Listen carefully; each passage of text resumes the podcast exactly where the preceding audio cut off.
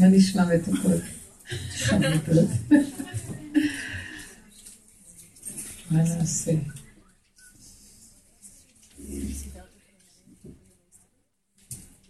מה שלומכם? רוצות אולי להגיד איזה משהו?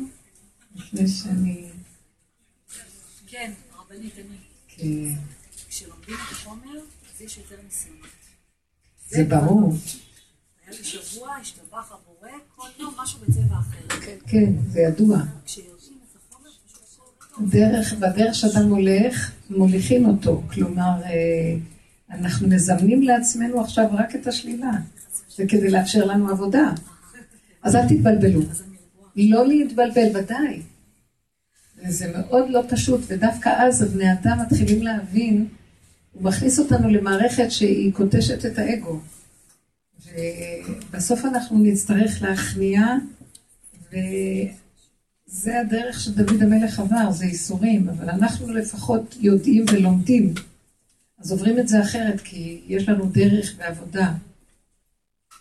ואילו דוד המלך היה בתוהו ובוהו של הכאבים, ואנחנו לומדים, והלימוד מאוד עוזר, זה כמו תלמיד חכם שהוא לומד דבר.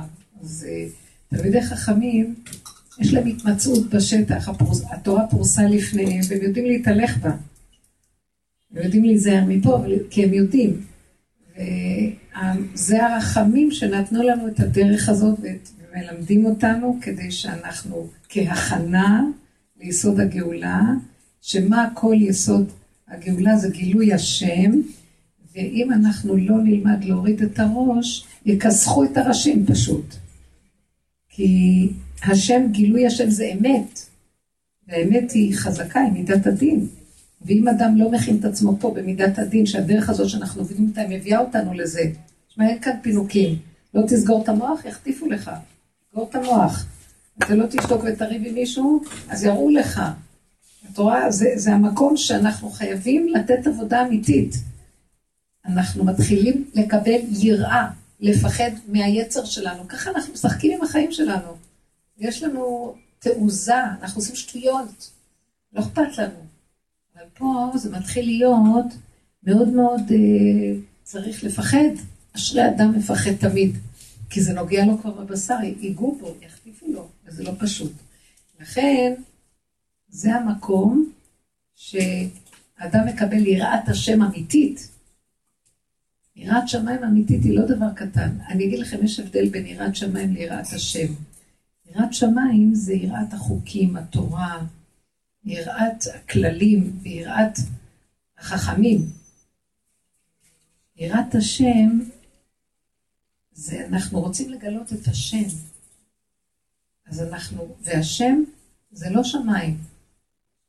השם, כתוב שהנה השמיים נמלחו כעשן נמלחו, והארץ כבגת תבלה. השמיים שאנחנו מכירים והארץ השתנו ותקבל, העולם יקבל תודעה חדשה. אז זה כבר לא יהיה השמיים שאנחנו מכירים. נושאים את עינינו לשמיים ואומרים יהי רצון. זה יהיה מהלך אחר לגמרי. זה יהיה גילוי השם. השם זה לא שמיים, השם ברא שמיים. הבנתם מה אני מדברת? שמיים זה בריאה של השם. והשם בכבודו ובעצמו הוא ברא הכל. הוא ברא שמיים וארץ והכל. עכשיו, כשאנחנו אומרים יראת השם, זה כאילו, אני לא צריך רק לפחד מהחוקים, אני גם במידות, לא רק בהלכה אני צריך לפחד, ושיהיה לי יראה מפני שאני לא חלילה יעבור על הלכה ומצוות. גם במידות אני מפחד, דבר שנראה כאילו אף אחד לא ציווה אותי. מותר לכעוס, על פי התורה לא כתוב אסור לכעוס. אבל מי שחכם ועיניו בראשו, מכעס לזה, זה אדם מתחיל להזיק לעצמו, לשני, אז הוא נופל. אז אדם הזה כבר לוקח, מה שנקרא, כמה צעדים אחורה. ולפנים משורת הדין, הוא מדקדק עם עצמו. האדם הזה, כבר יש לו יראת השם. אתם מבינים מה אני מתכוונת? יראת שמיים זה בחינת היראה של החוקים, של המצוות, של הדינים והמשפטים, אשר יעשה אותם אתה וחי בהם. יראת השם זה אפילו לפנים משורת הדין. האם הגדרתי את זה טוב? תשמעו, אני גאון לא נורמלי. איפה? אני לא שמעתי את זה, אבל אני מבטיחה לכם שזה אמת לאמיתה. באמת. אבל זה לא אני, זה השם נתן לי. כי באמת, אני אומרת לכם, כשיורדים בדקויות, אז אפשר לאבחן בדקות את הדברים. נכון שפה יש לנו דקויות. הדקויות, זה הכוונה. מה יש? יש הבדל בין יראת השם ליראת שמיים. תבינו. ואחר כך אומרת לנו התורה, לא בשמיים היא. זאת אומרת שהשם כבר יורד פה. פה ממש. אז הוא יורד פה איתנו. עכשיו, את לא יכולה להגיד, טוב, אני על פי החוק מסודר, הוא רואה אותך בחורים ובסדקים, כי הוא פה. הוא רואה אותך, מה את חושבת? הוא רואה הכל. אז תזהרי לך. למה? אני על פי דין בסדר. מה, אסור לי לחשוב? השם אומר, טוב, אולי יראת שמיים יש לך, אבל יראת השם זה משהו אחר. אישה יראת השם היא תתעלה. כי יראת השם זה להיכנס בחורים ובסדקים, ולדעת שהנה השם אלוקיך בה תמיד, מראשית שנה ועד אחרית שנה, בכל דרכיך דאהו. אין אתר פנוי ממנו. אל תחשבי שאת יכולה להתווכח עם בן אדם, בגלל שזה לא בסדר מה שהוא אמר לך. את צריכה לחשוב, אם את רוצה יראת השם, שהשם שלח אותו, והשם בוחן אותך עכשיו, מה את אומרת? הבנתם את המדרגה הזאת? כי על פי דין אני לא חייבת לחשוב ככה. זה לא דרך שאנחנו עובדים איתה בכרגיל, נכון שלא? אנחנו עובדים עם משהו אחר. אני לא אגיד לשון הרע, מותר לי להגיד לשני, שמע, תשתוק, נכון? עכשיו, ברגע שאני אומרת לשני, תשתוק, ואני כועסת עליו, אני, אין לי ראייה, שזה יסוד היראה שהשם אמר לו. אתם רואים, זה כבר לפנים משורת הדין העבודה הזאת. עכשיו, אדם כזה שעובד ככה, הוא כבר במדרגה אחרת, שהוא כבר מגלה את השם פה כל רגע. הוא נושם, אז הוא אומר, זה הנשימה של השם. עכשיו מישהי אמרה לי, כל פעם נעתקת לה הנשימה. אז אמרתי לה, השם כל כך אוהב אותך, כי כל רגע הוא רוצה להגיד לך, את רואה מי נותן לך את הנשימה? אז הוא אומר לזה, מה אני אפסיק לנשום? אמרתי לה, לא, תגידי לו, ריבונו של עולם, אתה מראה לי שזה אתה מנשים אותי, בבקשה אל תפסיק להנשים אותי. לא, אבל אתה רגע עוצר לי את הנשימה הטבעית כדי להראות לי מי זה שמנשים אותי כל הזמן. הבנתם? אדם רגיל שיש לו יראת שמם ירוץ לרופא, נכון או לא? מה, הרופאים ב... היום החרדים הולכים הרבה לרופאים, גם הערבים וגם החרדים הולכים לרופאים, כל הזמן הם בקופות חולים. אנחנו צריכים ללכת להשם. לא, כי החילונים הולכים לאינטרנט, הם מצפצפים על הרופאים, יודעים יותר טוב מהרופאים. אבל החרדים מסכים לא יודעים, ולהבדיל אלפי הבדלות ערבים, אין להם. מאמינים עוד ברופאים, כן? דוקטור, דוקטור. נותנים לו יד, נשיקה ליד, תודה דוקטור. אין עוד מלבדו, שהרופא יכול להיות שליח. איך אני? אני רוצה לצחוק, אני רק רוצה לעשות פורים מהעולם, זה הכל, אל תיקחו אותי ברצינות. עכשיו כדאי לכם לשאול שאלה, אם לא זה מסוכן. חמודות שלי, בוא נצחק, כי בסוף רק נצחק. כבוד הרבנית, צריכה כן. כל שיעור להגיע רעבה. מלאה פיו כן, חמודה שלי. לא תאכלי אותנו. לא הספקנו, אין דבר. חמודות. בסופו של דבר, כל המהלך שלנו להבין שהתשובה הנרצית זה גם במדרגות של הרשות, שהם לא חייבים בהם, שם גם נקבל על עצמנו עניין. אתם מבינים? זו דרגה יותר פנימית של יראה. כי אנחנו מקבלים על עצמנו גם מה שאנחנו לא מצווים בעצם. נכון? כאילו, זה קשה להגיד את זה על פי דין. הבן אדם חייב שיהיה פה דינים, כי אחרת אחד יאכל את השני. אז יש סדר ויש צדק, ובתי דין ובתי צדק. ועל פי הדין אסור ללכת לבתי משפט של אה, ערכאות, של גויים, של חילונים, רק ללכת לפי דין תורה. אבל הרבה פעמים יש מדרגה שנדרשת אפילו לפנים משורת הדין הזאת. להתעקש אם אין סיבה ממש, ועד שאין לך ברירה ממש, לא, לא לתבוע את השני לדין תורה. כמה שאפשר. להבין שהקדוש ברוך הוא קורא לו, ושילך לפנים משורת הדין. זו מדרגה טובה, שמביאה בריאות ונחת לבן אדם. לא תמיד. צריך לפעמים שאין לך ברירה לגמרי, מכריחים אותך. השני תובע שתלך, אבל לא אתה תהיה זה שיוזם מציאויות כאלה. זה מהלך טוב. טוב, הלאה. תגידו משהו. עשה. והוא עושה עבודה של מודה ועוזב ומקווה לירוחם. נכנס, לפי דעתו, לחורים ולסדקים. האם באמת ירוחם לו? כאילו הגזירה תרד לו? תראי, כן, אם הוא באמת, כן, זה דבר ידוע, תקשיבי, אם באמת הבן אדם הולך בעבודה הזו, אז מה זה נקרא באמת? שאפילו את התוצאה לא אכפת לו. אז תהיה לו ישועה. כלומר, הוא לא עושה את זה בשביל על מנת לקבל פרס. איבו תלמידים המשמשים את הרב שלא על מנת לקבל פרס. זו עוד מדרגה שלפנים משורת הדין. כי כן אנחנו רוצים לפשפש בחורים ובסדקים, כי יש שם נקודות אור שנפלו ואנחנו מרימים אותם דרך זה. הנה, זה הנקודה שלי, זה, זה, זה. הרבה פעמים אני מצאתי את זה. סיפרתי לכם על החשבון למים שלי, כן, כן. פעם שעברה. אז ראיתי את הבזבוז שלי. ועל פי, ה... אם אדם רגיל היה בודק, זה לא היה נראה כזה בזבוז, אבל אני לא לבד. גם את זה זה בשבילי היה הרבה. כל אחד כפי מקומו. זאת אומרת שעכשיו אם אני עכשיו, אני אמרתי לו בצחוק, אז עכשיו אני לא אצטרך לשלם כל כך הרבה כסף? הוא אמר לי, כן. אבל באמת באמת אני אמרתי, אם אני עוד אחכה שבגלל זה, לא בשביל זה כל הסיבוב הזה קרה. כל הסיבוב הזה קרה. והשכר שלו זה שאני אעשה תשובה. שכר מצווה מצווה, תוצאה מה אכפת לי? הבנתם מה אני אומרת? זאת אומרת, כשראיתי שאני עושה, אני צריכה לעשות תשובה, מה הייתה הבעיה בכל הסיפור הזה? ראיתי שאני לא מדייקת. וביקשו, זאת אומרת, לפי מה שקרה פה, שדנו אותי, כאילו היה איזה מין קטרוג על זה שאני לא מדייקת, לא רק במים, זה רק יצא במים. אני צריכה לעשות תשובה לגבי לדייק, לדייק. מבינות מה זה לדייק? לדייק מה את אומרת, מה את אוכלת, מה את זה. לא, אין בזבוזים במותרות. המותרות, אדם נידון במותרות. מה זה נידון ברותחים, במותרות? הוא יוצר לעצמו את הגיהנום שאחר כך הוא נידון בו חלילה.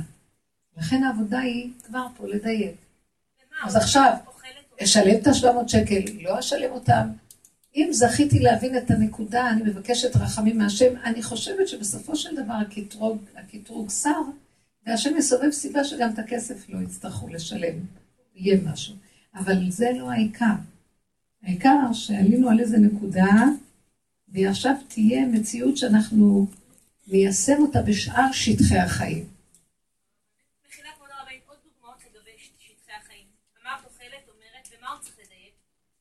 אני אומרת לך את האמת, בכל, אני ראיתי הדיוק צריך להיות במחשבות למשל. המחשבה, השם נתן את ה... השם ברא לאדם מוח, כלי המוח, שזה בראש, כלי הרגשה וכלי עשייה. המוח הוא כלי מאוד חשוב. עכשיו, בתוך המוח נכנס שכל, שזה אור אלוקי שיורד. תמיד זה אור אלוקי. נגיד, באמצע, בדרך, תמיד יש גנבים, שועלים, מחבלים כרמים, גונבים את השכל האלוקי. המחשבה הראשונית שיורדת על הבן אדם, אם היינו מדויקים, קשובים, מקווננים נכון, המחשבה הראשונית היא מהשם. אז יש מחשבה מהשם, כי הוא נתן לנו מוח, הוא נותן לנו מחשבה. אבל במוח יש מנגנון של התרחבות ובלבול. לוקח את המחשבה ומסתעף איתה ומתבלבל, ועכשיו לכי תזהי את המחשבה הראשונה. אז זה נקרא חוסר דיוק. אם היית מדויקת בריכוז, היית קולטת את המחשבה, באופן טבעי המחשבה יוצרת, גם נותנת אנרגיית התפעלות כדי שיהיה לנו כוח לפעול. ואז את פועלת פעולה מדויקת. הכל מדויק, לא צריך מותרות והרבה בלבולים. ואם לא, בלבולים לא נורמליים קורים. וזה בדרך כלל מה שקורה בנושא הרפואי, דוגמאות כאלה יש למכביר בכל דבר. יש לי קשר עם מישהי שלפני הרבה זמן, בוא נגיד שנתיים, שלוש, כמה שנים כבר, אה, היא, ראיתי שיש לה נטייה של בלבולים במוח. שהיא דיברה איתי. וחרדות כאלה. אז דיברתי איתה, ראיתי שהיא צריכה עוד משהו חוץ מהדיבור. אז הפניתי אותה לאיזו הומופתית אחת, שהיא מהדרך, שהיא עובדת איתנו בדרך, ואני אוהבת את הטיפולים שלא מגיעים בינתיים, אם זה לא אקוטי, לא צריך ללכת לטיפולים הקונבנציונליים. אז אמרתי לה, תלכי על הדבר הזה. אז אה, כן, אני אלך, אני לא אלך, כי היא מתבלבלת מהר מכל דבר. אפילו קבעתי לה זמן, שילמתי לו אחת, אמרתי לה, תלכי, אני מעוניינת שתלכי. בסופו של דבר, היא לא הלכה, וכשהיא רצתה ללכת, היא לא יכלה, היא התפספס הדבר, לא חשוב. הבלבולים התרחבו לה, ואז התחיל להיות לה, ממה התבלבלה? יש לה, היא חרדתית קצת, אז יש לה פחד שנהיה לה ככה, יהיה לה ככה, אה, כאן הרי משהו רפואי, כאן עוד איזה משהו, מה יהיה אם יהיה ככה. והיא מדברת איתי על הדברים האלה, ואז אני אומרת לה, תפסיקי, את לא מבינה שאת בסכנה נוראית, כי את מתרחבת ואחר כך נהיית מציאות. המחשבות יוצרות מציאות, ואת מאמינה בהן, ועכשיו ההתרגשות נותנת להם עוד איזה אה, מנה של חיות וכוח אנרגיה, ואז אחר כך הפועל, הפעולות שלך מבולבלות, הכל את צוערת ואת יוצאת מנקודת הריכוז, אל תאמיני למחשבות שלך. אני רוצה שתעזרי משהו לעניין הזה הראשוני. בקיצור, זה הגיע למקום שהיא, כל הגוף שלה כבר מלא דלקות. אה, מה ש... עכשיו, בתוך כל זה, אז אני עוד אומרת לה, אז בואי עוד, שזה רק התחיל, בואי נלך לקחת אה, טיפולים מסוג אחר, כי עוד אפשר, ל, ל, אפשר לעבוד עם זה, מכאן לכאן לכאן, אז לא, זה ילך לרופא הזה ולרופא הזה, והרופא הזה אומר זה, וזה אומר ככה, וזה אומר ככה, וזה ככה, ייקח שנה שלמה והתבלבל, יתפרץ מדלקת ברגל לדלקת כאן, לדלקת פרקים, דלקת בגוף, כל הגוף מדולק. עכשיו, אז אני, כבר, אנחנו בקשר, ואז אני אומרת לה, אז אומרת לי, אז אני לא יודעת מה לעשות, ממשיכה להתבלבל. תקחי מה שלא יהיה. העיקר שתצאי מהכאבים כדי שהגוף יהיה לו כוח להתרכז וקצת לעזור לעצמו. לא, אבל אם אני אקח כזה, אז אני לא אקח זה, אז אני אקח זה, אז אני אקח זה. וזה מתבלבל. בסוף הגיע למקום ש... ש... מה שהרופאה הציעה לה זה טיפולים כבדים וקשים. ושזה ממש על רובד כאילו כימותרפי כזה, כאילו ממש חומרים קשים. אז אני ממשיכה להגיד לה, אז היא אומרת לי, אבל תשמעי, רק היום דיברנו, תשמעי, אולי אני אלך, ההורים שלי רוצים שאני אלך לאיזה הומופת, שאולי יש לו זה. אז אמרתי לה, אז לכי, לכי להומופת. אז אמרתי לי, לא, וככה, תמיד זה הולך ככה. לא, אבל במצב כמו שלי זה יעזור לי בכלל? אני יכולה לקחת את זה, והאמפת אומר לא לערבב עם זה שום דברים קונבנציונליים, אז זה לא משפיע טוב. אז היא אומרת לי, ואם יהיו לי כאבים? אמרת לה, תתחילי, ואם יהיו כאבים, אז תפרצי. גדר לכי על דבר אחר. רק שלא יהיו כאבים. אבל תתחילי. לא, זה לא ישפיע, אתם מבינים? אני בסוף ראיתי שאני לא יכולה, ואז אמרתי, את חייבת לקחת את הטיפולים שהרופאה הציעה לך, ואת חייבת להתחיל במשהו, כי זה לא ימשיך להיות טוב. ואז ראיתי דוגמה להתרחבות שיכול לקרות. עכשיו, כל אדם שכל, אני אומרת לכם, בדרך הזאת, רק מתחיל להיות איזו ידיעה של משהו שאת שומעת, וזה עושה לך מצוקה, מאיפה באה המצוקה? זה לא קורה לך, זה קורה למישהו ששמעת, זה הדמיון. מה יהיה ואם ככה זה יהיה ואם ככה זה יהיה, ואחד ועוד אחד שווה עוד ועוד ועוד ועוד. אני רק רואה את הבן אדם ואומרת לה, תפסיקי! את מסכנת את המציאות שלך, זה יכול לפגוע בך. זה לא רק זה, זה יכול, אותו אדם שאת כל כך דואגת לו, זה יכול לגרום לו, זה יגרום שהמחלה תתרחב לו. תסגרי את המוח, תעלי את זה בתפילה להשם ותשאירי, העולם שלך לא שלנו, תרחב. אז זה נקרא דיוק עם המחשבה, הבנת? מחשבה יורדת, לעבוד איתה בדיוק. להחזיר אותה לשורשה ולבקש רחמים. זהו, לכי לדרכך, ואל תזכרי ולא תדברי עוד בדבר הזה. הבנתם את הדבר הזה? זה נקרא להיות מדויק עם המוח. תבוא מחשבה אחרת, כל רגע השם שולח משהו, מה שצריך. ככל שאנחנו מדייקים, גם לא יבואו סתם מחשבות, כי אין אצלך פרנסה. את לא תפרנסי אותם, הם לא יבואו יותר. אתם מבינות מה אני מדברת? זה בנושא מחשבה, רגש. רגש. אדם, בואו ניקח דבר של מצוקה, בואו ניקח דבר של שמחה. בואו נתחיל עם דבר של שמחה. קרה אדם, אה, קיבל בשורה טובה. מה? נתנו לו ממון בבנק, מישהו הפקיד לו כסף בבנק. רוקד, כל היום הוא יכול לחבק את השונאים שלו עכשיו, לוותר לכולם על הכל. זה נקרא התרחבות. הוא קיבל ידיעה שמועה טובה תדשן עצם. זה נחמד, זה נחמד שיש עוד כסף אה, בינינו. תודה, אבא. וגם לדעת שאני בסכנה, כי רגע אחד אני יכול לבזבז אותו ולא יהיה לי כלום. אז לשמחה, מה זה עושה? אז בסדר, זה טוב שיש. תודה. הכרת הטוב בתודה, ותודה קטנה. תודה קטנה אמיתית, ולא להתרחב ביותר מדי. כי ישר נגנבת השמחה יתר על המידה, ולשמחה מה זה עושה? אומר קהלת, הכל במידה. אז השמחה היא נכונה לרגע עם הכרת הטוב פנימית של הכרת תודה אמיתית לבורא עולם, שלום, לכי, יש בזה גם דבר הסמוי מן העין יש בברכה, את עושה לעצמך אין רע. את הולכת כל כך שמחה, מה את רוצה לקנות? מה את רוצה? אני אקנה לך זה, אני אביא לכם זה. כמו הוויכוח הזה שאבא שיקנה אוטו, והילד אמר, אני אנהג, הוא אמר לו, רד מהאוטו, ולא היה לו כסף ולא כלום בסוף לקנות אוטו. זה הכל דמיון. בסופו של דבר, המקום הזה זה דיוק ברגש. לא להתאחד בשמחה, לא להתאחד גם בדבר של שלילה ומצוקה, זה דמיון. גם בעולם העשייה, וזה תמיד נובע מהמחשבה, כי ברגע שאנחנו חושבים, אנחנו אחר כך רוצים לפעול את הפעולה. אז אם את מבולבלת, הפעולות יהיו מבולבלות. ואם את מרוכזת, זה מדהים, דבר מוליך דבר מוליך דבר, הנשמה לך, שזה המחשבה והגוף פועל לך. אבא זה אתה, הולך חלק. כי השם יתברך ברא אותנו כדי לשרות בתוכנו, והוא יתברך פועל דרכנו, במחשבה, דיבור ומעשה. אבל כשאנחנו מתבלבלים, הוא זז הצידה ואומר, הוא בוכה איתנו. תראו לאן אתם מגיעים, אתם סילקתם אותי. תדעו לכם שזה דבר מאוד בדוק ומנוסה. האחריות של הבן אדם מאוד גדולה. לכן העבודה הזאת מאוד מאוד עוזרת, וזה מה שהוא אמר לי, תהיי מדויקת. אז זה לא חשוב אפילו שזה בא במים ובחשבון המים שבזבזתי הרבה מים, כביכול. זה חשוב עכשיו המילה דיוק בכל דרך, בכל דבר, הבנת? אז עכשיו, נכון שאני לא רוצה שיקחו ממני 700 שקל, אבל אם גיליתי את המהלך הזה וזה נתן לי חיזוק, זה שווה את הכול. כן.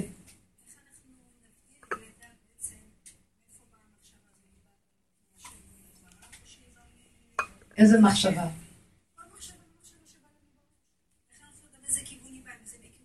זו שאלה שמראה בלבול. כי מחשבה שאת קולטת אותה בדיוק שלה, תדעי שהיא מהשם. אל תשאלי שאלות. השאלות, איך אני אדע, מי אמר לך, זה סימנו של הבלבול. באמת אין בלבולים, ככה.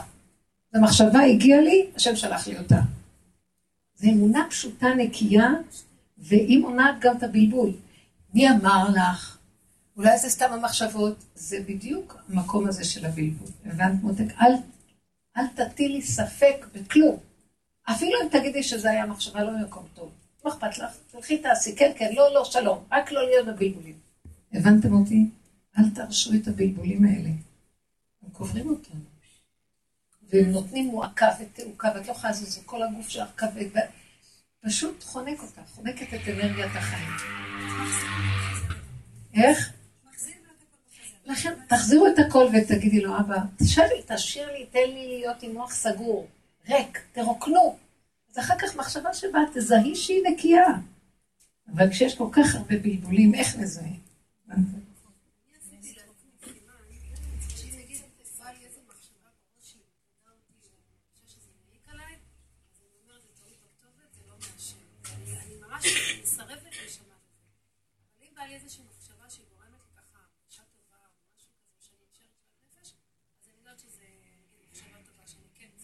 אני, זה טוב מה שאת אומרת, זה תלוי אם אדם יכול לשאת. אם המועקה מאוד גדולה, זה מאוד טוב. קודם כל לסגור את הכל ולשלוח את השלילה ממני והלאה. אם אני יכולה להתבונן ולראות מאיפה באה המועקה ומה, ואני מוציאה משם נקודה של בירור, זה טוב. יותר טוב מה שלסגור ולחנוק. כי זה, זה יבוא עוד פעם מזווית אחרת ויציק לי. כי סגרתי וברחתי. אבל אם אני יכולה להסתכל, תנו דוגמה של איזה מצוקה. כן.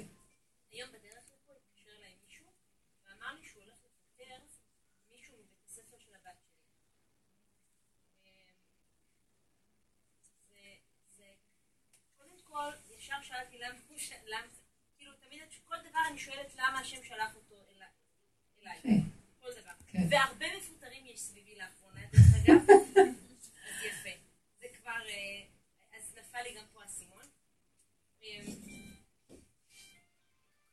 אז אמרתי, קודם כל נכנסתי ללחץ, הוא אמר לי, אור, בעקבות השיחה שלנו נפלו לי הרבה אסימונים, החלטתי לפטר את ההוא ולהכניס צוות של זה. קודם כל, מאיפה באת לי? מה אני קשורה בכלל? מבינה? הוא גם באיזשהו מקום נתן לי להרגיש חס וחלילה, שאת גרמת. לא, זה בכלל לא קשור אליי. נכון. אני דיברתי שצריך להיות פה בית ספר דתי. לא דיברתי על את מי לפטר, מה השטויות האלה. עכשיו מצאתי את עצמי אומרת לו, קודם כל כאב לי על הבן אדם הזה, כי הוא לוקח את הלב שלו ושם על השולחן, כל פעם שהוא מגיע. הוא איש מאוד גדול. זה שרצו לפטר. כן, הוא לא איש פשוט, לפי דעתי, אני לא מכירה אותו, אבל הוא סוחף אחריו הרבה אנשים. כן. והוא ממש כאילו, הוא אישיות כזאת ש... כמה- מתייחסים אליו ככה בבית ספר. ההורים נמשכים אליו והולכים אחריו. וכנ"ל גם בעלי, את מבינה? אני אפילו, אני פחדתי, אמרתי, אני לא אגיד כלום לבעלי גם. אז כאילו, קודם כל, התקשרתי ישר לאחותי כדי לפרוק, אבל קודם כל, באמת זה לא קשור אליי. חד משמעית זה לא קשור אליי. אז מה עשה לך מצוקה פה? כאב לי על הבן אדם. כי גם אמר, הוא נורא כזה, הוא נורא אוהב את זה, הוא נורא, את יודעת למה אני מתכוונת, כבוד הרבנית? האדם שעובד, או האיש שאמרת, לא, האדם שעובד. אדם שעובד. זאת אומרת, הייתה לך סימפתיה גדולה לאדם שעובד, והיה לך צער לשמוע שרוצים לפטר אותו. כן. ואת קישרת את זה, שאולי זה בגלל השיחה שאת גרמת איתו, הוא אמר, אבל זה לא קשור, אני חד משמעית לא לוקחת. אני באתי ואמרתי שהמקום הזה הוא בית ספר דתי והוא לא דתי, וזה באמת נכון. נכון. אין קשר בכלל. כן. אז אמרתי שיהיה רב, מה שאמרתי... אז עכשיו, זה יופי, זה מהלך מאוד טוב. בוא נראה. אני- אני אדייק מה אמרתי. אמרתי שאת האיש הספציפי הזה צריך להביא יותר. אז מה הוא אומר לי? חשבתי רבות על מה שאמרת, והחלטתי שאת האיש הזה אני מוציא, ואני הופך את הבית ספר לבית ספר תורני. מה קשור מה שאמרתי לזה? לא, לא לא. למה, למה את אומרת להם לא צריך להיות דרמטי מזה? את כל כך הכנסת בנו את הדרמטיות שלך. כי אני כזאת כבוד הרבנית. אז זהו זה. אז אם את מתבוננת ותראי מה הביא לך מצוקה, ההתרגשות שלך וצורת הקבלה של הדברים. כי, אז בוא נגיד שכן, זה מה שראית, זאת האמת. לא באה לבקר אותה, זאת האמת שהתרגשת מאוד. אה. התרגשת והיה לך צער. אז הצער שלך היה מההתרגשות על הדבר. עכשיו, ש... אז את מסתכלת ואומרת, למה את בצער? כי התרגשתי. למה התרגשתי? כי האיש הזה מאוד טוב וחבל לי שהוא ילך. אז עכשיו, באותו רגע נגמרת ההתרגשות. תקחי בליבך ותגידי, אני אלך לדבר שלא ייקחו אותו, חבל. יש לך משהו להגיד, תעשי משהו. רגע. זה הוא, הוא, קובע. אז דברי איתו, בחירה, אני תגיד, זה לא חשוב, אני רוצה להגיד לך, מה שכאן עשה לך מצוקה זה הרגש שלך. כי אם אדם עובד בצורה שכלית קרה, פשוטה, עכשיו, ישר הרגש גם דן אותך, אוי ואבוי לי מה עשיתי, ואני מבינה, זה יכול לקרות לנו, אבל מיד תפתחי את ה... תעשי מה שנקרא שולחן ערוך, בית דין קטן, ותתחילי להגיד, רגע, אני לא התכוונתי בכלל לזה, אולי הבין אותי לא נכון. אז, אז אני יכולה, באמת, יש לי קצת איזה זעזוע, אז בסדר, אני אקח את תשומת ליבי לדבר איתו בעניין הזה, שדווקא האיש הזה בסדר, וחבל לקחת אותו, ולא לזה התכוונתי. זהו, נגמר. ברגע שאת תמשיכי לטחון את זה, והסיפור הזה יעשה לך מצוקה, מה אמרתי? לא אמרתי, ועשיתי ככה, לא עשיתי ככה. וחבל שיעשה ככה וזה מציק לך, עברת את הגבול, את לא מדייקת. אני באמת, מחילה, אם כבר אנחנו מפרקים, לא הייתי במקום הזה, זה לקח לי ארבע דקות, אני כבר לא מתאבדת על אף אחד, גם לא על עצמי. זהו, כן, יפה מאוד. תעזבו את העולם הזה לבורא עולם, ואל תאמינו לרגש, כי הוא מסעיר אותנו, ולעזור לנו לעשות משהו טוב, הוא לא נותן, כי הוא מקפיא לנו את המציאות, בגלל שאנחנו סוערים לא בכיוון נכון. זה לא מועיל, מועיל יותר שאני אגיד לו, שמע, אתה, אל, אל תתבלבל. הבן אדם הזה הוא הכי מתאים למערכת. נניח. אני הצלחתי, אני התחלתי לשכנע אותו כמה זמן. שוב, זה לא קשור אליי, יש להם עניינים פנימיים שם, אני בטוחה. כן, הוא מקנא בו אולי, גם יכול לא להיות. יודעת מה זה, לא, זה דמות כזאת. אבל מה שכן, אמרתי לה, באותו רגע, אה, התחלתי להתחיל לשכנע אותו, ואז הוא אמר לי, תקשיבי, תראי את מי אני הולך להכניס. אני לא מכירה את אף אחד מהאנשים האלה, פשוט הייתי באיזה סמינר, שבית הספר ארגן, והייתה שם, היה שם איזה דמות מעוררת הערצה, הוא עלה לנאום, הוא אמר לי, את רואה? את האיש הזה שמופיע בכל העולם, אני הולך להביא במקומו. אז אמרתי, עכשיו פה אני שואלת שאלה פשוטה. כאילו אמרתי לעצמי, התחלתי לשכנע אותו רבות, ואז אמרתי לעצמי, אוקיי, גם לזה יש קו אדום, אמרתי לו, תקשיב, הרבנית שלי לימדה אותי, זה צריך להיות, זה יבוא עד אליי. אני שולחת, אני אמרתי לך את שלי, אני חושבת שאסור לפגוע לא בפרנסה שלו, ובטח לא לפגוע בהורים שהם מכורים אליו. אז אני עכשיו זורקת את זה, ואני מקווה שהקדוש ברוך יפה, הוא יסדר. מעולה. גמרנו, שלום, לכי לדרכך. גם התלהב ממך, אה, אמרתי הוא יודע שאני לוקחת כסף לשעה. תקשיבי, עכשיו השאלה שלי היא כזאת. אה, ואז סגרתי את זה והלכתי עם עצמי, ואז אני אומרת לעצמי, בשלב הזה, האם הייתי צריכה לשכנע, סתם, זה משהו כבר עם עצמי שאני רוצה להבין. האם הייתי צריכה להמשיך לשכנע, או שהייתי צריכה להגיד... לא, לא, די, די. הגעת לנקודה, הוא שמע הכל. תלמדו איפה הגבול. גם הוכח תוכיח את עמיתך ולא תישא עליו חטא, מצווה מן התורה. אז התורה אומרת, המפרשים, שאתה יכול להוכיח אותו עד, ש, עד שאתה נותן לו, הוא לא מקשיב לך, הוא נותן, אתה נותן לו, הוא נותן לך מכה. מכה אותך על זה שאתה מרגיז אותו, כי אתה מוכיח אותו, הוא לא רוצה להקשיב לך עד שנותן לך מכה, תעזוב אותו. יש גבול. יש מקום שאתה צריך לראות אם הדבר אינו נשמע, אל תאמר. במקום שאין הדבר נשמע, אל תאמר. זה חוכמה של הגבוליות. עוד פעם, האדם הגבולי הוא אדם חכם. הוא יודע את הגבול שלו, ובתוך הגבול מה מותר לו, ואם הוא טיפה חורג, הוא כבר לא, לא תהיה לו ברכה. כי זה כבר החיצונים אוכלים את זה. זה, זה, מאוד מדויק הכל. אז לכן מה שקרה קרה. גם אל תרדי על עצמך, כי זה לא יהיה מדויק, כי את ראית שאת לא התכוונת לזה, וזה לא עלייך. לא. ידיי לא שפכו את הדם הזה, אי אפשר לבקר אותי. אני לא יכולה לבקר את עצמי, גם לרדת על עצמנו אסור. מגבול, עד גבול מסוים. כי אם אני יורדת על עצמי, לוקחת נקודה, עובדת איתה, פיין. אם אני עוברת את הגבול, מתרחבת, לא לעניין בכלל. הבנת? הדבר הזה של הדיוק, תדעו לכם, זה כל הברכה נמצאת שם. אני אומרת לכם, לפעמים אני כל כך, כמו האישה הזאת, כל כך אני רוצה לעזור להם, מרגישה שידיי כבולות. הבלבולים לא נותנים לי. אני אבוא מפה, מפה, מפה, מפה, אני מתפללת. ואני בעצמי, כשאני רואה אותה, אני אומרת, אז תעשי את מה שאת רוצה שהיא לא יכולה לעשות, תקחי על עצמך, תעבדי את, עוד יותר בדיוק. זה עוזר לאחרים דרך אגב. מאוד משפיע. אם אנחנו מתיישרים, העולם מתיישר איתנו. כן.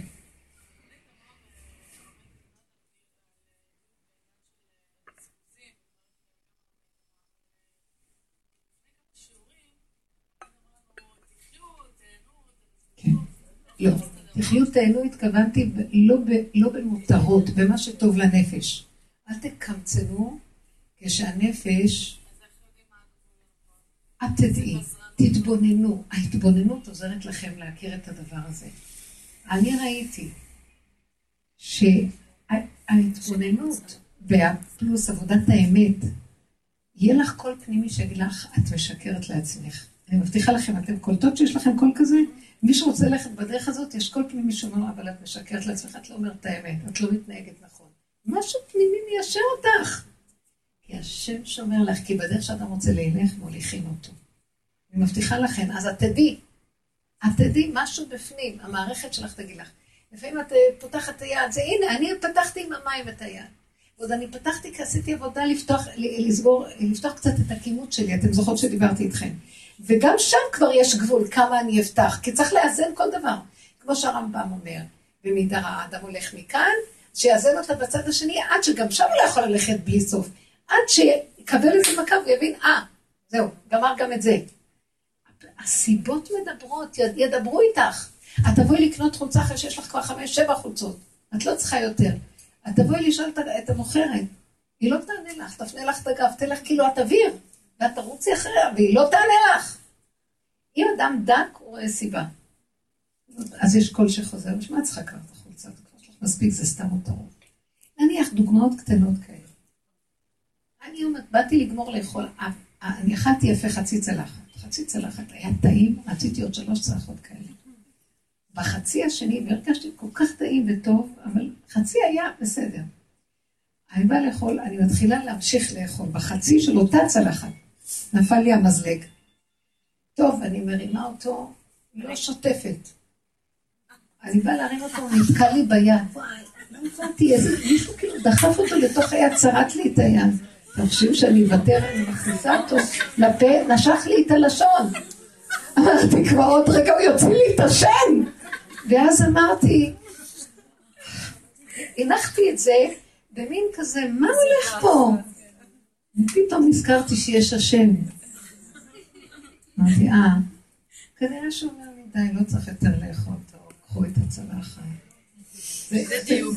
זה דברים לא פשוטים, כל מיני דברים כאלה קטנים, שאם אנחנו נאמן את עצמנו להקשיב, אין, מישהו, מישהו מניע אותנו ושומר עלינו וגודר אותנו, מסדר לנו את החיים, אבל יש לנו כוח של מרדות ועיקשות. ואומר, אף אחד לא יגיד לי מה לעשות, ואנחנו מפילים את עצמנו, והמכות וכל מיני דברים באים. אנחנו רוצים לחזור למקום הזה. אני כל הזמן אומרת לו, אבא, אני מתפללת, אבא, תשמור עליי, אני, אני ארוג את עצמי במו ידיי, תרחם עליי. כן, יש לי כוח של מרדות ועיקשות, אני מזהה אותו, ואין לי כוח אליו גדול עליי. ומה אני אעשה? כבר נהיה בעל הבית פה. דברו, דברו עם השם. תשמור עליי ותעזור לי. אתה תתגבר עליו. מיני דיבורים. זה חיים אחרים. נכון? באמת זה חיים אחרים. כן.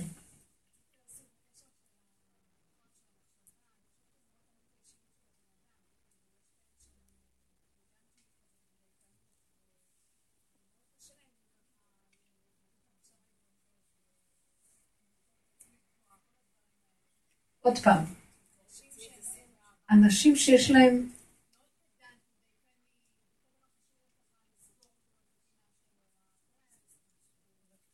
אז האנשים הדייקנים והקפדנים, הם יקפידו גם איפה שלא צריך להקפיד, את לא מבינה? זה לא מעלה. גם האנשים הפזרנים שהם בעלי חסד, אבל מפזרים בכל מקום, זה גם לא מעלה. המעלה היא שיש לך את צרור המפתחות ביד, ואת יודעת מתי לפתוח ומתי לסגור את החסד. אם את לא יודעת לסגור את החסד, אז זה חסד, חסד לאומי חטאת. איך? אז לכן כל אדם, כל אדם צריך להכיר את התוואים שלו. דע את עצמך. תכירי מיד, ומה חוזר ונשנה. תכירי את תנועת הפעולות שחוזרות ונשנות והצורת חשיבה שלך. תתחילו להתבונן בעצמכם ותראו את הדברים החוזרים ונשנים שנופלים באותה נקודה וזה, ותבינו, כל אחד יהיה שונה מהשני. אותו עיקרון לכולנו, הדוגמאות שלו. וזה הדבר. מבינה? יש אחד שהוא בכלל לא יהיה רגיש לשני בכלל, אז צריך קצת... ויש אחד שכל דבר הלב שלו נשבר בקרבו. וכל אחד צריך להכיר, אין איזון, אין איזון. האיזון הוא דבר מאוד גדול, כי השם מופיע במדרגת האיזון. לא ברעש השם, לא ברוח שערה, כל דממה דקה, קו האמצע. שם יש את המנוחה ואת הרגיעות ואת המתיקות של החיים. כי זה גילוי השם, שם מתגלה השם. כן. בכל רמה, לא שמעת טוב. אסור להיות גם יותר מדי טוב? כן, גם יותר מדי טוב זה לא טוב. גם יותר מדי אמת, ציפי לאמת סלישט גוד. הרבה אמת זה גם לא טוב. התשובה שלה נמצאת בעצם השאלה, מחילה. בעצם מה שהיא שואלת, זה כבר מראה שאין איזון, מחילה, אבל כאילו, מה זה יותר, אין יותר מדי טוב. אם אתה מחובר לעצמך ואתה בגבול, אז גם אין, אתה לא, אתה לא תתאבד. המשפט שאת אומרת, לא מתנדבת להתאבד. זה כל כך חזק. אין לכם מושג איזה כסילים אנחנו, ואנחנו על כל דבר מתים. ימותו ולא בחוכמה, זה נקרא. ואנחנו אחר כך גם... לא חבל. חבל על הזמן, אל תמותו על אף אחד, רק על השם. מה זה השם? זה הנפש שבתוככם. היא הכלי הנושא את השם באופן הכי הכי קרוב אלינו, כי קרוב אליך הדבר מאוד מאוד. לא בשמיים היא. תחבקו את עצמכם, תאהבו, תתפללו. השם, אם אנחנו נקים את השכינה, היא תדייק אותנו, היא תראה לנו, היא תדריך אותנו, היא תעצור, היא תכוון. כוח של חיים אנרגטי בתוכנו. את, באמת, אני אגיד לכם את האמת, זה טוב שאנחנו מתחתנים. נישואים זה דבר יפה, כי דרך זה אנחנו לומדים על עצמנו, כי הצד השני הוא המראה שלנו. כי אדם חי לבד על עצמו באיזה הר, הוא לא רואה מי הוא. אבל צורת הזוגיות, מה שגנב לנו השכל, זה אנחנו מתמסרים אחד לשני. אין שטות לא צריך להתמסר. צריך לעבוד נכון, והשם יחבר בין השניים, כי מתגלה השם כשאת עובדת באיזון. ואיש ואישה זכו השכינה ביניהם, ויש שכינה בבית. וכל אחד שמח, כי הוא לא עבד יותר מדי לטובת השני ומה שאני נותן לו. סתם, מה שבכלל עשיתי לך, ומה אתה עושה בשבילי? כל היום חשבונות רבים, הבנתם? אתם אשמים, אנחנו אשמים, למה? כי אנחנו מתמסרים אנחנו חושבים שהשני, אם נעשה, לא יאהב אותנו. אל תלכו על כאלה מצבים, זה התאבדות. אפשר לתת, אפשר להיטיב אחד לשני. כשזה בא לך מבפנים, טוב לך תטיבי, רע לך, ואת אומרת, לא, לא, מסכן, השני. זה הדבר הכי גרוע שאתה יכול לעשות. תבינו. בפרט שאחר כך יוצא הרבה רעל, כי יש מרמור. ברור. ההטבה לשני חייבת לבוא מיסוד ההטבה העצמית הראשונית. להיות נאמנים לנפש. וזה מה שכתוב בתורה בכל המצוות האלה של ה... במידות, נתון תיתן, פתוח תפתח, הענק תעניק, עוות תעוות, אה, ואהבת לרעך כמוך, הוכח תוכיח. זה מופיע בדואליות, שמתם לב? אתה רוצה להוכיח את השני, קודם תוכיח את עצמך. אתה ראוי להוכיח את השני, ואתה יותר טוב ממה שתוכיח? תבדוק את עצמך אם אתה לא בדיוק כמוהו. כשאתה רואה שאתה גם כזה, אז אתה יכול לבוא אליו ולהגיד לו, אחי, תראה, גם אני בדיוק כמוך, אבל חבל, שלא, לא, יהיה לך טעויות. אתה בא ברכות, אתה לא בא מהגבות שאתה המוכיח שלו. נתון תיתן, אתה בא לתת לשני, תגידי, ואת, אה, לפעמים האימא, מכינה לכל הילדים, אוכלים אוכלים, היא באה לשבת על הצלחת שלה, והם לא יכולה את הצלחת. תנעלו את הדלתות ואל תיתנו להם להיכנס. תאכלו, והם דופקים על הדלתות, תגידי, אני עושה לכם אימא עכשיו, לכו. באמת, לפעמים זה... אז מה היא תגיד, טוב, תאכלו, תאכלו, והיא נשארת רעבה. לא. אה? אין מה? אין דוחי נפש מפני נפש. אז כאילו היא מוותרת להם, ובכל דבר ככה. נכון שיש לאימא התמסרות, אבל ההתמסרות צריכה לבוא מתוך מקום שטוב לי להתמסר, לא משום שהמצפון, או משום שאני איזה דמות הירואית. אכל, צבעת, קיבלת את שלך, בפשטות כמו ילד קטן, עכשיו תתני גם לילדים שמסביב, אבל חייך קודמים. וזה ההלכה. חיי קודמים. שני אנשים במדבר, שתי כוסות מים. ושתי כוסות מים שייכים רק לבן אדם אחד. בבקבוק יש שתי כוסות מים והוא שייך לבן אדם אחד מבין השתיים. אומר רבי עקיבא על פי דין, זה שיש לו את המים, ישמור את הכוס השנייה לעצמו. אם שתיהם, הוא ייתן לו, וזה לא פייר, מה, אחד ישתה שתי כוסות ואחד יישאר בלי כלום. יכול למות. אומר לו, כן, אבל זה שיש לו שתי כוסות מים, אולי הוא יחיה ויגיע למקום יישוב מחר, ואילו אם שתיהם ישתו עכשיו, שניהם ימותו מחר. הבנתם? המחשבה שלו נכונה.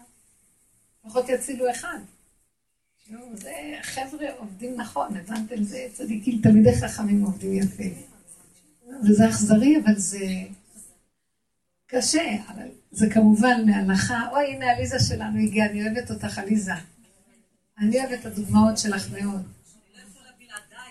לא, אני צריכה לעשות תשובה אחרי שאת מספרת איך הולך לך, לי לא הולך ככה כמוהו. הייתי בבת מצווה ובאתי אלייך. חמודה. לפני המנה האחרונה. כל המנות תאכלי ולא תביאי פה כלום. חמודה. את המנה האחרונה. מתוקה שלי. חמודה. אז זה המקום שלנו שאנחנו... זה לא, זה לא, זה נראה כאילו מה, זה לא יהודי מספיק מה שאני אומרת. אני אגיד לכם את האמת, היהודים כבר התחילו להרוג אחד את השני, נשים רחמניות בישלו ילדיהן, מה קרה? תהנו, תשמחו, תיטיבו עם הזולת. אפילו לא צריך הרבה לאכול, קצת. תפרגני לעצמך, תאהבי את עצמך, אל תתרגזי על אף אחד, כי אחר כך תהיה עצבנית. בשביל מה את מתרגזת על מישהו? תזרקי אותו מאחורי הכתפיים שלך. את המחשבה, כלומר, לא את. באמת. מה יש לנו מהעולם? תהנו, תשמחו, תודו להשם ותיטיבו לסביבתכם על ידי זה שאתם טובים ושמחים. כי הטוב ידבק בטוב, נכון? ככה. ולא להיות במרמור, בכעס, ברוגז, טוב, נו, אבל השני קודם, מה, מסכן, אני אעזור לו. אני אגיד לכם את האמת, זה יפה, אה, פעולות של מסירות נפש זה דבר יפה. אבל יש מסירויות נפש שהן... שהחוכמה היא לא שאני אמסור את הנפש, שהשם יחיה אותי וגם אותו, והשם יכול לעשות שתי פעולות הפוכות גם יחד, אתם יודעים? זו חוכמה יותר גדולה. למה שזה ימות? גם זה יחיה וגם זה יחיה, מה יש? צדיקים אנחנו. תש- תשאלו עוד שאלה. יש לי הרבה תשובות. העיקרון הוא באמת להיות בשמחה ובפשטות ולא ללכת בגדולות ונפלאות עם המוח.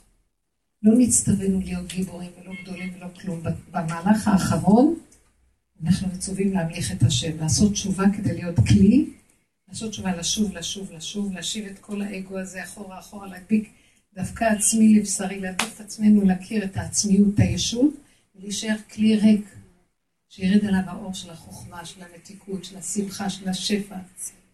מבינים של ההטבה, של החסד. מאוד חשוב. בוא נהיה כלים ריקים. אל תתרגזו, חבל לכם על הזמן. אבא תרחם עלינו. תקדימו תפילה, אני לא רוצה להיתקל, העולם יכול לטרוף את הבן אדם. זה סתם. תרחם עלינו, אנחנו רוצים להתערבב. אל תאמינו למחשבות. כלום, שתלכו ריקים הכי טוב. ריק. רק לפי סיבות תעבדו. מישהו דופק בדלת, עכשיו נפל. המזלג זה היה סיבה, זה סיבות. השם מדבר דרך כל מיני דברים אלייך. מה את חושבת? אם את רואה שהמוח תפוס מחשבות שליליות לא טובות, אל תתני לו. תזהרו, בלי שנשים לב, זה נחש עוקץ. אל תיתנו. תסיכו את הדעת למשהו אחר. כן. לא.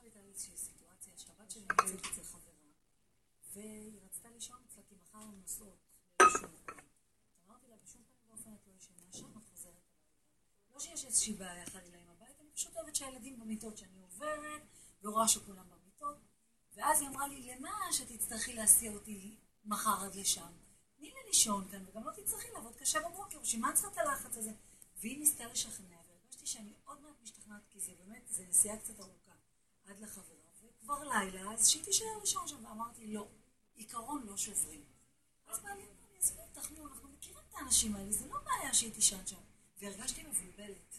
אמרתי, השאלה היא כזאת, האם אני לא נותנת לה לישון שם, כי אני חסרת אמונה שחלילה משהו יקרה, בעקבות כל מה שאת שומעת בתקשורת כמובן.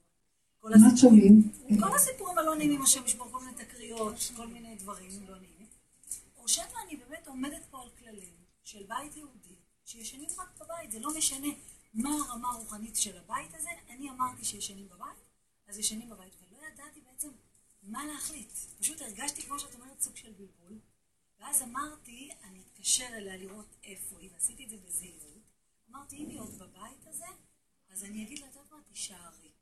פשוט לא רציתי שהאחים שלך ישמעו וירצו גם.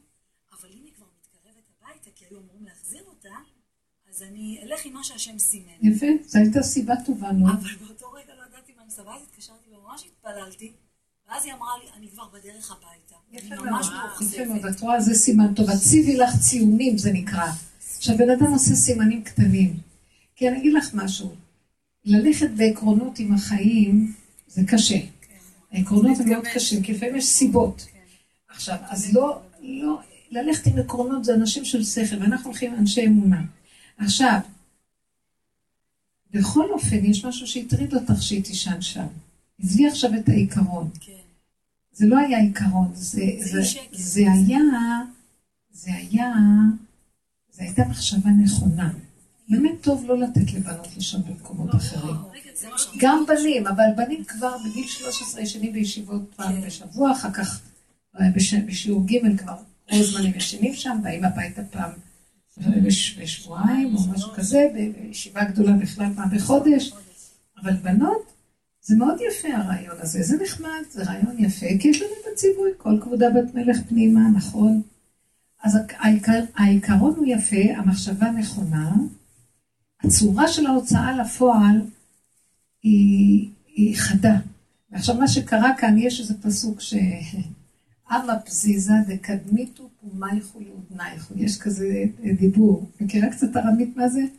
שהיה איזה צדוקי אחד, שישב, ראה את רב היושב ולומד תורה, ומרוב שהוא למד תורה, הוא דרך על האצבע שלו ושתת מבן אדם, והוא בכלל לא השגיח על הרגל שלו. אז עובר אותו צדוקי ואומר לו, איזה, תראה איך אתה נראה. עליך נאמר, תראה איך אתה נראה. מה, יש מצווה שאדם יזיק ככה לעצמו עד כדי כך? איפה אתה? אז, אז הוא אמר לו, לו, עם הפזיז, העם פזיז שהקדים את הפה שלו לאוזניים שלו, שאמר נעשה ונשמע. הייתם צריכים להבין מה אתם מקבלים בתורה, ולא ככה להיראות, ואחר כך להיות, לחיות עם זה נכון, לא ככה. אז הוא אמר לו, הוא ענה לו את הפסוק במשלי, טומאת ישרים תנחם, וסלב בוגדים ישדם, הלא אתה צדוקי. אני הלכתי בתמימות והקדמתי את הפה לאוזניים. אבל אתה מסתלף עם כל החוכמות שלך, אז לא ילך לך. אבל טומאת ישרים תנחם. עלה לי בדיוק הפסוק הזה שסיפרת. ואמרתי, יש לך תמימות של ישרים? כן. ואת צריכה לישון בבית, דבר פשוט. נכון? זה לא צריך להיות שישתות לך דם. ואת צריכה לישון בבית. אז תלטפי אותה ותגיד לה, מתוקה שלי, זה צריך להיות יסוד מושתת בבית יהודי. מסכימה איתי ותאהבי אותה, תפנקי אותה, תתני לה מפה, משם, שזה לא יהפך להיות, שזה רק עוד אלף דברים שבבית אה, הולכים איתם עם איזה זה, והחיים נמאסים. מבינה מה אני מתכוונת? הכל בזה. עכשיו, שכבר אמרת לה, בשום פנים, זה מה שהפריע לי בדיון שלך, בשום פנים, היא רק אמרה דבר, ואת אמרת, בשום פנים, את אומרת לה, לא תחזרי. בשום פנים ואופן, זה מראה לה את החרדה שלך. זה מגביר שם את היצר. אז על זה את צריכה לעשות את התשובה קטנה. אז על זה באמת התבלבלת, בגלל שעשית ככה בא לך הבלבול, כי לא היית מדויקת. את רואה מאיפה בא הבלבול? עכשיו, קחי את זה ותגידי, אז זה מאוד יפה, תגידי להשם במילים אחרות, נתקעתי, אני תקעתי, תוציא, מה אני אעשה עכשיו? אז הוא הביא לה, הוא ראה שאת עושה תשובה, שקלטת שאת כבר אה, הגזמת, אז אה, לא הגזמת על הרעיון, הגזמת על איך הוצאת אותו לפועל. ואז הוא שלח לך מחשבה. תראי, אם כך וככה, אז תתרככי, זה כבר, ואם ככה, אז ככה. איזה הוא אוהב אותך, ועוד הסכים איתך, וגם אמרה אני בדרך. עשר. הבנתם איך זה עובד? מאוד יפה. תהיו קשובים, תדברו עם השם. מי שעובד עם עצמו ישר, המצוקה הפנימית מראה לו מה לא בסדר איתו. וישר פותח ורואה, אה, הנה, זו הנקודה שלי. כי הוא רואה מאיפה, המצוקה שלך לא באה מהרעיון, הרעיון הוא, הוא נשגב ונכון. הצורה של... חמודה היא בכלל. וזה באמת נכון, כי אני אגיד לכם, פותחים את הפתח פה, פה, פה, והיום עם החברות ועם זה, זה מאוד קשה. אבל זה רעיון יפה. כן. כן, נתחבר על ה... אל תקדימו את הפה שלכם בשם השם לזה שלכם, לאוזניים.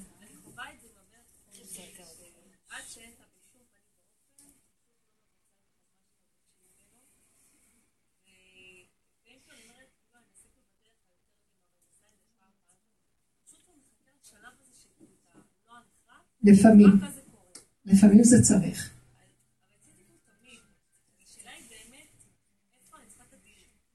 אני אגיד לכם, מה שעכשיו סיפרת הוא כזה דבר. הדיוק צריך להיות עם עצמך.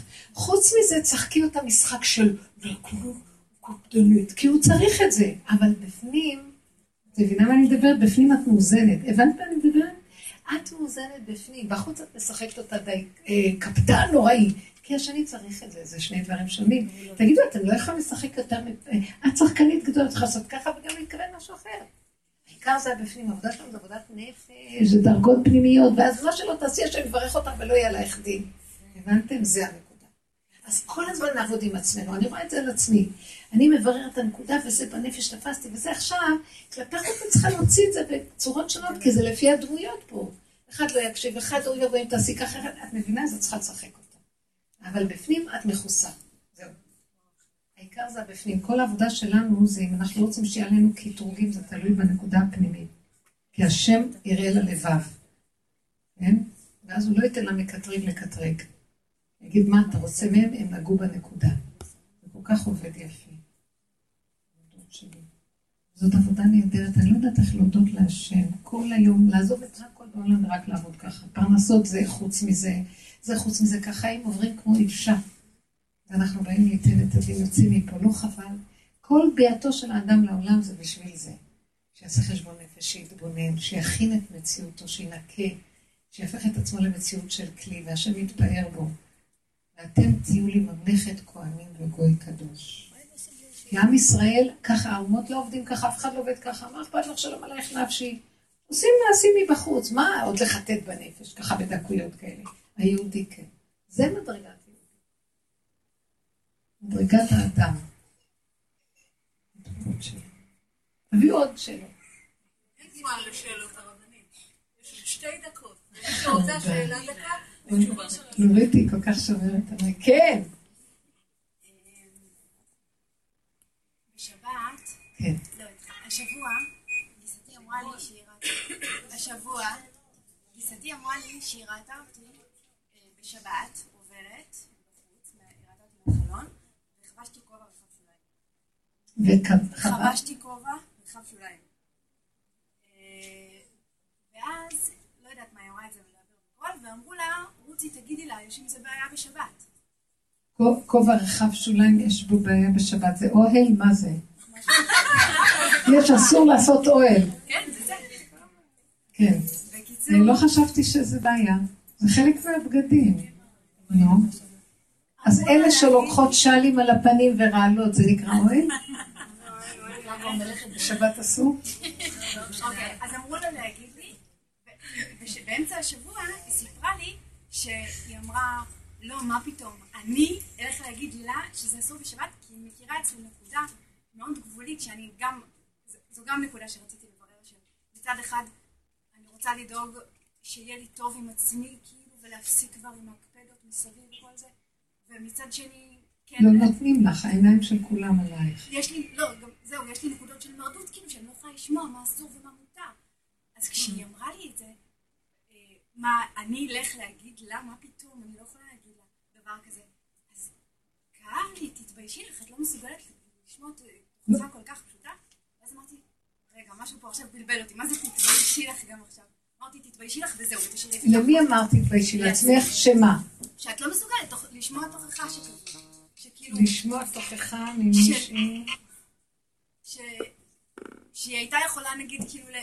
נגיד ישר, ולמה היא צריכה לסובב שהיא לא אמרה וכן אמרה? לא, לא משנה, אוקיי, אז עכשיו... על מה תתביישי? לא כל כך הבנתי למה ירדת על עצמך. שלא... זה היה מצב מביך. מה מביך? שהיא אומרת לי, אני אני לא יכולתי לבוא אמרתי, ולהעיר לה. התנצלה שזה לא היא. שהיא לא- שהיא לא יכלה- שהיא לא יכלה לבוא ולהעיר לי, שאני כזה בן אדם קשה. אה, זה התכוונה? לא כל כך היה ברור. כן, כן, כן, אני לא יכולה לבוא ולהעיר לך, את סוג של מרדנית כאילו. אה, והייתי צריכה וזה להגיד את זה דרך נכון, מישהו וזה אחר. באמת נכון, גם לא דרך מישהו אחר, בכלל לא. הבנתם מה היא אמרה פה? אל תעירי לי. לא שומעים. אולי נחזור עוד פעם, כי יש כאן נקודה חשובה, זה חשוב. בשבת, תגידי עוד פעם, שהיא הלכה עם כובע רחב שוליים, וגיסתה העירה לה שיכול להיות שיש בזה בעיה בשבת. היא לא העירה לי בשבת. באמצע שבוע היא אמרה לי שהיא ראתה אותי מהחלון עם הכובע, אמרו לה שיש עם זה בעיה, לכי תגידי לה. היא לא באה להגיד לי, היא אמרה לי את זה רק באמצע שבוע, שהיא לא באה להגיד לי, כי היא יודעת שאני טיפוס מאוד קשה, היא הרגישה חופשי לדבר איתי על זה. לא יכולתי להגיד לך, כי את נורא מרדנית, סליחה, כן. לא, אבל זה כל כך נכון, זה בסדר, היא הרגישה בנוח להגיד לי את זה, כי זה נכון. אבל זה לרגע בייש אותי, כאילו, שאיך אני נראית, שאני כזאת בעצם. אז אוקיי, אז נשארתי בתתביישי לך, אבל עכשיו אני במקום ש... אוקיי, אני גם מתביישת לי, ואני גם לא יודעת מה, מה הפער בין ה... שאני רוצה להיות במקום הטוב של הילדה המפונקת וה... שעושה רצון השם בפשיטות ובשקט. מצד שני, אני מרדנית ב- בכל הפנטזיה המתוקה הזאת של ילדה עכשיו, כל שעושה- הסיפור הזה צריך להיות בינך לבין עצמך מול השם, כן, כן. שהוא גם בתוכי. אז מה שאני רואה פה זה קודם כל, בוא ניקח מושכל ראשון, מהסיפור הראשון, שאת רוצה לעשות מה שטוב לך ושמח לך, חם לוהט, וכובע רחב שוליים יהיה לך טוב כשאת מתהלכת בחוץ. אני לא יודעת אם יש בעיה, כי גם יש לגברים את ה... אה? מטפח. לגברים. לגברים הבורסלינו זה סומבררו נהיה. מה נהיה פה? בוא נגיד, אם היינו גרים עכשיו, זה לא אי אפשר סומבררו בשבת. בוא נשאל את הרב רייזמן, הוא תלמיד חכם. לא משנה. העיקרון. אז רגע, לא, כי אני רוצה לדייק. אם זה דבר של הלכה, מה אני אתמרד? זה דבר שאם יש בו איזה משהו של רשות, אז למה שאני לא אתפנק ואלך? אבל מה, יש לי כל מיני מציצנים שהם מאוד דייקנים, והם מה זה מתחסדים, והם... ואני בשכונה כזאת של צדיקים לא עניין, ומתחסדים. שלא לא, יהיה לא, רגע. אני רק אומרת, אז זה קצת אה, מגביל אותי וזה זה עושה לי מועקה, ולמה? אם... השאלה אם מותר ללכת עם כובע רחב שוליים, כובע שמש בשבת. יותר מטפח. אני באמצע שיעור, אני לא יכולה לענות עכשיו. אפשר יותר מאוחר. סליחה.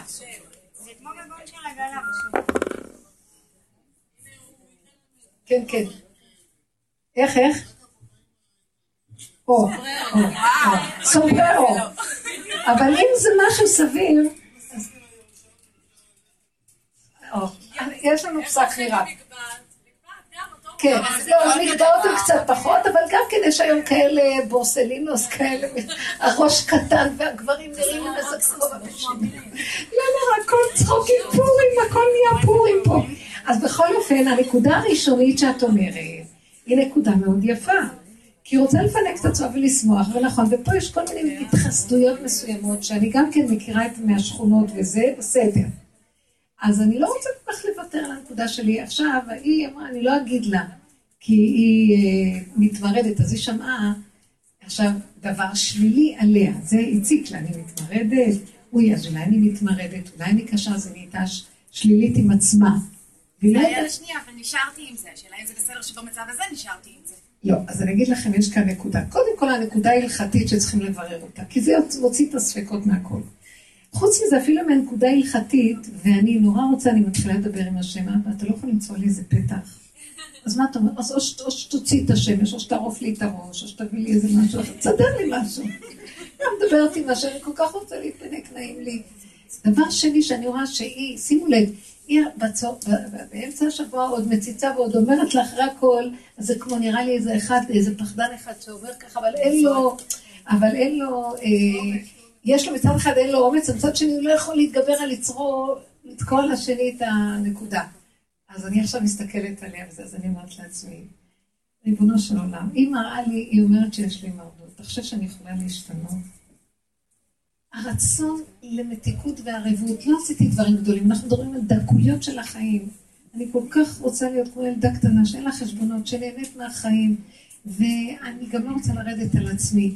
המרדנות הזאת, אם אני אתבונן בה, היא לא נובעת שאני מתמרדת בך, אני מתמרדת נגד כל ההתרחבויות של הקפדוניות וכל הצדקויות וכל הדברים האלה שלפעמים כבר ממש מוגזמים, וכל אחד מנסה להרשים את השני כמה הוא יותר צדיק מהשני וכמה הוא יותר, ועוד אני אקח את זה ואני אני אהיה עם זה במצוקת נפש, אין שקר יותר גדול מזה. מה אכפת לי שתגיד? תבררי, כי יש נקודת מרדות אמיתית. וזה לא נקרא נקודת מרדות, זו ילדה קטנה שרוצה להתפנק, שכבר נהיינו משוגעים בעולם שלנו. השם לא, השם רוצה להיטיב לנו, ורוצה לפנק אותנו ולתת לנו, ואנחנו נלך ועוד נסגור לעצמנו ככה יותר צדיקים ממנו. אין הדעת סבלתנו. אתם קולטות מה שאני מדברת? אבל צריך לברר את זה בדקויות, כי לפעמים כבר, הדור הזה כבר, זה מגעיל. זה באמת מגעיל, זה כבר כמו עבודה זרה. השם נתן את העולם לאדם ליהנות בו ולשמוח בו, ותראו איך האדם מכה את עצמו, בסוף ממית את עצמו, מחלות, צרות, כאבים, ממצפונים על הילדים, מצפון, מה יהיה איתם. סליחה, יש בורא לעולם. תהנה מהחיים ותזרוק לו את החיים. אתה לא, לא, אנחנו לא מופקרים פה, עושים מה שצריך, אבל להשתגע? זה כבר לא טוב. עוד לרדת על עצמי שאני מרדן כי החליטה שאני מרדנית. תבררו את הנקודות ותשחררי את הנפש. מה אכפת לך היא כזאת? זה משהו אחר, את לא צריכה להגיד לה כלום. את עוד תקי את עצמך, לא תהיי. תלבשי את הכול.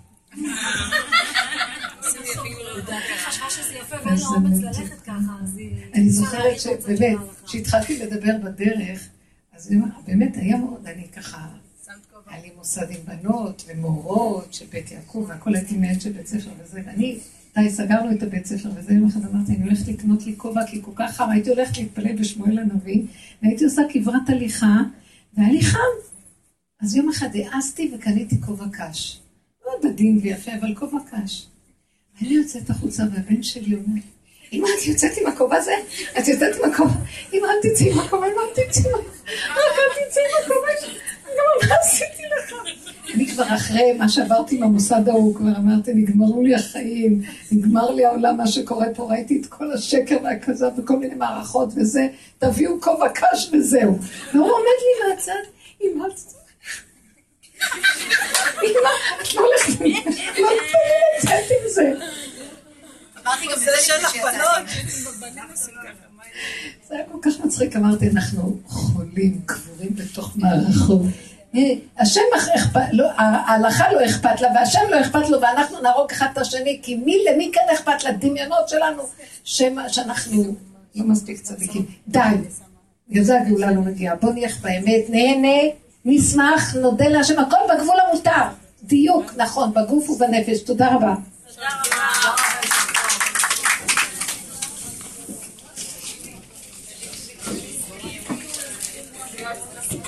תודה רבה, הרבנית. היה מקסים. ניפגש שבוע הבא. כן, לגבי ש... בשני? בשני. אבל מה התוכנית? אבל מה התוכנית? מה התוכנית? תבואי לשם, תראו אותה, אין אצלנו שום אה, תוכניות, זה מראש, אנחנו חיים כרגע, זורמים, אוכלים ומתים, זורמים אנחנו צריכים להתקרב לבית של יונתן, אפשר... זה לא...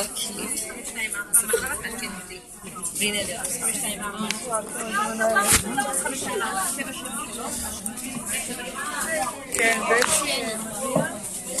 בטח.